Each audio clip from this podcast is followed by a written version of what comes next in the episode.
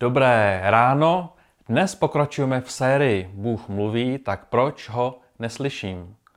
Uděláme si nejdříve malé opakování. Poprvé jsme mluvili, že úvodní zkušenost s Duchem Svatým byl prožitek zmocnění, speciálně v momentech, kdy se bojíme, kdy si víc nevěříme. Artin Oldan mluvil o tom, že někdy se stejně jako křesťané vracíme do myšlení starého zákona a chceme víru spojit se správným místem, správnou písní, správně pojatou bohoslužbou, nežli s duchem, se kterým se máme propojovat, jak Ježíš řekl, v duchu a v pravdě. Dnes začneme příběhem. Jednou jsem koupil Idě k svátku fén. A zlobil jsem se na sebe, že mi trvalo roky, než jsem takovou základní věc domů pořídil. Vrtalo mi hlavou, proč jo, nekoupila sama, ale asi nechtěla utrácet. Říkal jsem si, je tak obětavá, tak spořivá a očekával jsem velké nadšení. A Ida se mě zeptala, proč si mi to koupila. Říkal jsem si, chudák, ona už to ani nečekala. Omluval jsem se jí, že to není součástí koupelny už roky a tak jsem ho zapnul, ukazoval jsem ty rychlosti, ty teploty a na sobě jsem předváděl, že si ho občas půjčím. Ida se usmála a řekla, víš proč roky nemáme fén? Ne, protože ho nepotřebuju. Mám tady tu věc.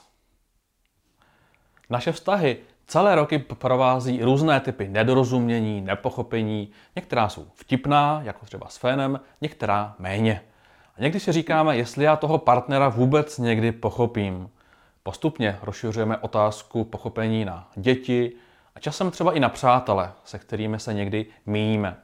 Přesto se o to automaticky celý život snažíme. A stejně důležité je i zjistit, kdy si říkáme důležité informace.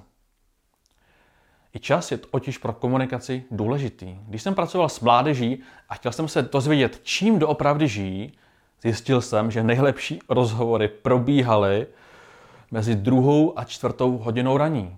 Byla tma, dobrá atmosféra a mladí se nebáli na cokoliv zeptat. Pokud chci, aby se i moje žena uvolnila a začala mluvit, jak se se mnou cítí, kam směřuje náš vztah i život, tak se to neděje v obýváku, kde lítají tři děti, děje se to v kavárně nebo na procházce, minimálně hodinu a více poté, co zažíváme klid a bezpečí od pracovních i rodinných úkolů. Pokusíme si tyto praktické myšlenky uvést do praxe komunikace s Bohem. Apoštol Pavel napsal kdysi Timotejovi, Timotej, klady, kladu ti na srdce, abys rozněcoval oheň božího daru. Žít s Bohem a využívat různé dary a způsoby komunikace předně znamená uvědomovat si, stále si uvědomovat, že jde o živý vztah. Rozněcuj je vyzývající a motivující věta, která jakoby říkala, pojď do toho, Timotej, neboj se, Bůh je dobrý, pojďme se k němu stále přibližovat. A abychom dnešní téma zjednodušili co nejvíce, přečteme si část knihy, kterou napsal apoštol Pavel a jmenuje se jednoduše Židům. Pavel se v knize snaží detailně vysvětlit Židům, že Ježíš je opravdu ten očekávaný mesiáš, ten zachránce a Bůh v jedné osobě, vysvětluje různé paralely a když přicházíme do páté kapitoly, cítíme z autora určitou frustraci. Dochází k napětí mezi informacemi o Bohu a opět vztahem s živým Bohem. A tak v páté kapitole čteme. Měli bychom o něm, jako o Bohu, o Ježíši, ještě mnoho co říci, ale je to těžké vysvětlovat, protože jste líní naslouchat. Po takové době už byste sami měli být učiteli, ale potřebujete, aby vám někdo znovu vysvětloval základní pravdy Božího slova. Aby vás někdo učil abecedě Boží řeči, říká jiný překlad. Jsou z vás kojenci, potřebujete mléko a nehutný pokrm. Kdokoliv se živí mlékem, protože nepřivykl slovu spravedlnosti, je ještě nemluvně. Hutný pokrm je ale pro dospělé, to je pro ty, kdo mají smysly zkušeností vycvičené k rozeznání dobrého a zlého. Židé byli a jsou expresivní národ a nemají problém schválit dopis, který se dá do Bible, který obsahuje taková drsná slova. Jste líní, dávno jste měli být někde jinde, potřebujete mléko. Nevím, jestli by to šlo i u nás. V textu vidíme myšlenku, abeceda boží řeči. A Pavel i jiní autoři používají přirovnávání nás jako dětí a Boha jako otce. Už Ježíš vysvětloval moudrému Nikodémovi, musí se narodit znovu. A tak ať Boha oznáme v deseti nebo 70 letech, učíme se rozvíjet nový způsob vztahu a nový způsob komunikace. Text mluví, že se jako kojenci učíme vnímat život, jak ho Bůh stvořil a nové podněty vnímáme jako miminko a postupně otřebujeme lepší nebo hutný pokrm. Dnes si projdeme tři zastávky, jak se z miminka stal zralým křesťanem, který rozumí Bohu a praktikuje, co zná. Prvním odem se vrátíme na poslední vary z knihy Židům, že hutný pokrm je pro dospělé, to je pro ty, kdo mají smysly, zkušeností vycvičené k rozeznání dobrého a zlého. Prvotní hřích totiž způsobil, že jsme začali dobro a zlo vnímat subjektivně, každý trošku jinak. A ta první rovina komunikace s Bohem, s živým Bohem, je, že se nám tento obraz obnovuje. Bůh nám pomáhá rozumět, co je dobré, co je špatné, co je lež, co je pravda a dostáváme sílu k tomu dělat to správné. Ve Filipským čteme, že Bůh proto poznání dává chtění i činění. V úvodních krocích víry se tady opět brousí naše svědomí a my se rozhodujeme, zda to chceme. První tři roky mé víry jsem si připadal, jako by mě někdo přeskupoval hodnoty v hlavě. A skrze čerbu Bible a vnímání svědomí jsem dostával výzvy k přehodnocování postojů. Například jsem rád komunikoval olopravdy, které byly zároveň trošku ololží. Byl jsem spíše lakomý, jako jedináček jsem byl zvyklý hrabat především k sobě. A měl jsem volný vztah k různým látkám. Ale Pavel ve svých knihách píše často o svědomí, které jsem potřeboval nabrousit. Například, proto i já se vždy snažím zachovat neporušené svědomí před Bohem i lidmi. Tento typ vnímání máme po celý život, ale na začátku cesty s Bohem to bývá intenzivnější. Pokud se naučíme znát, jak Bůh vnímá dobré a špatné, je to stejné, jako když náš partner cítí, že respektujeme to, co se mu líbí a co ne. Tím roste důvěra a tím se prozví ten, ten prvotní, ta prvotní komunikace. Ale abeceda boží řeči okračuje, posouváme se dál. Druhý bod, druhý moment popisuje především Jan ve svém evangeliu a řekneme se jenom jednu myšlenku v jedné kapitole píše, že ovce poznají hlas svého pastýře a stejně tak křesťané poznávají, učí se prozeznávat ten hlas Boží. A tak v naší mysli se objevují různě silné myšlenky. Je to náš vlastní mozek, jsou to ďábelské, hnusné nápady a v tom všem se prozvíjí takový boží vnitřní hlas. Protože Bůh je duch, jeho myšlenky často rozezvučí toho našeho ducha. Řeknu opět příběh. Když jsem si šel poprvé koupit Bibli, řekl jsem Bohu, hele, mám 80 korun a potřebuju Bibli, vůbec nevím, kde se to kupuje, veď mě prosím. A tak jsem šel z Petřína v Praze do města a pocítil jsem nutkání jít u, u, u lanovky doprava, ale protože jsem pens, tak jsem šel rovně, protože tam jsem viděl antikvariát. Bibli tam neměli, tak jsem teda šel doprava a po 100 etrech jsem to šel k jinému antikvariátu, kde jsem našel Bibli, správný překlad a stál 80 korun. Silné myšlenky, které se začínají objevovat v naší hlavě, v našem těle, v našem duchu, musíme pořád zkoušet. Mnohokrát jsem je osobně neposlechl a mnohokrát jsem je také poslechl. Jack, Jack Deere, autor knihy Průvodce darem proroctví, kterou doporučuji, píše Modlete se, cvičte a riskujte. Když se učíme vnímat ten zvláštní, tichý, jemný hlas, často to jakoby rozezvučilo toho našeho ducha a za- začínáme nad tou myšlenkou pochybovat, kde se, kde se mi tam vzala, jak mě to napadlo, proč cítím takové zvláštní vnitřní nutkání.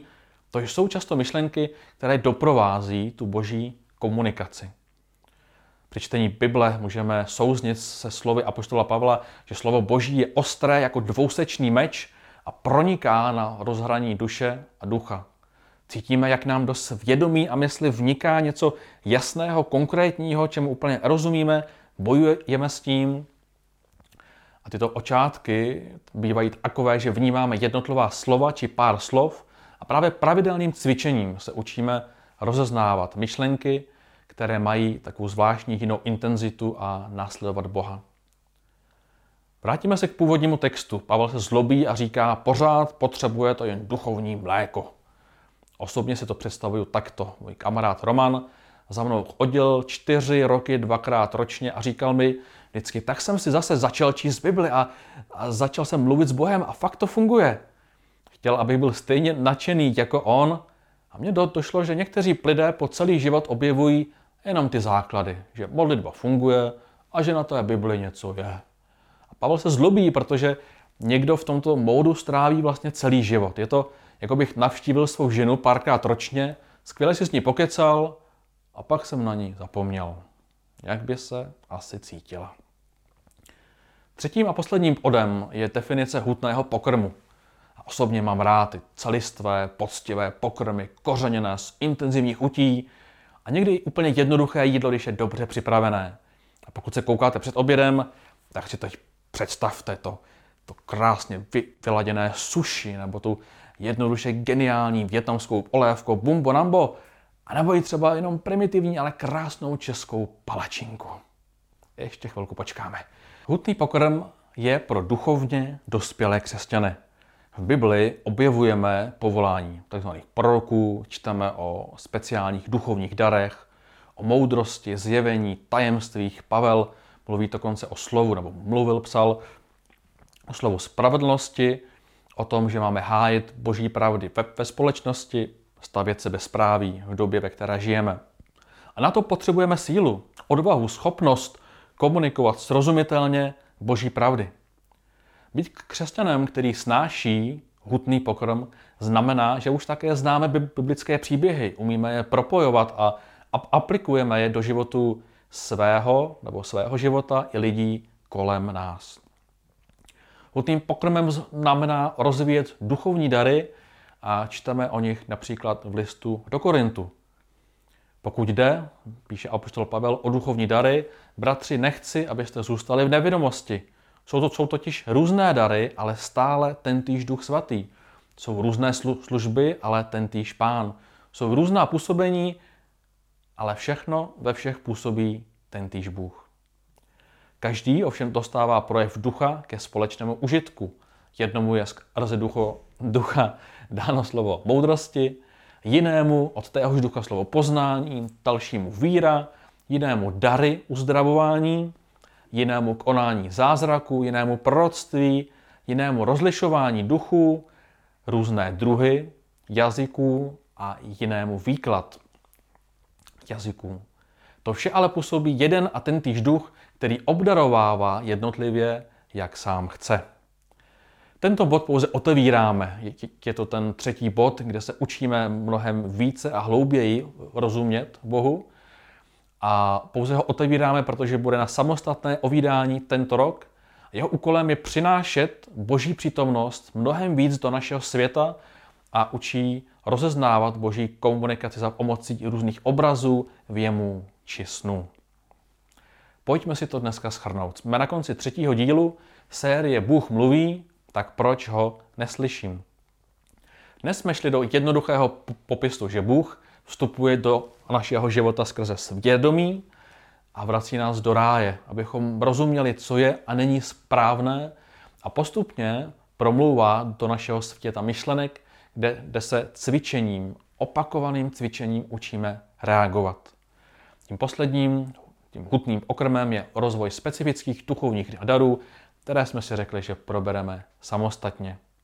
Abychom se propojili s těmi úvodními příběhy, potřebujeme se také nacházet ve správný čas na správném místě, kde se před Bohem každý z nás dokážeme otevřít a kde dokážeme v klidu naslouchat.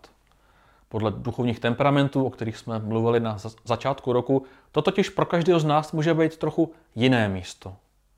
Nejdůležitější je ale čas.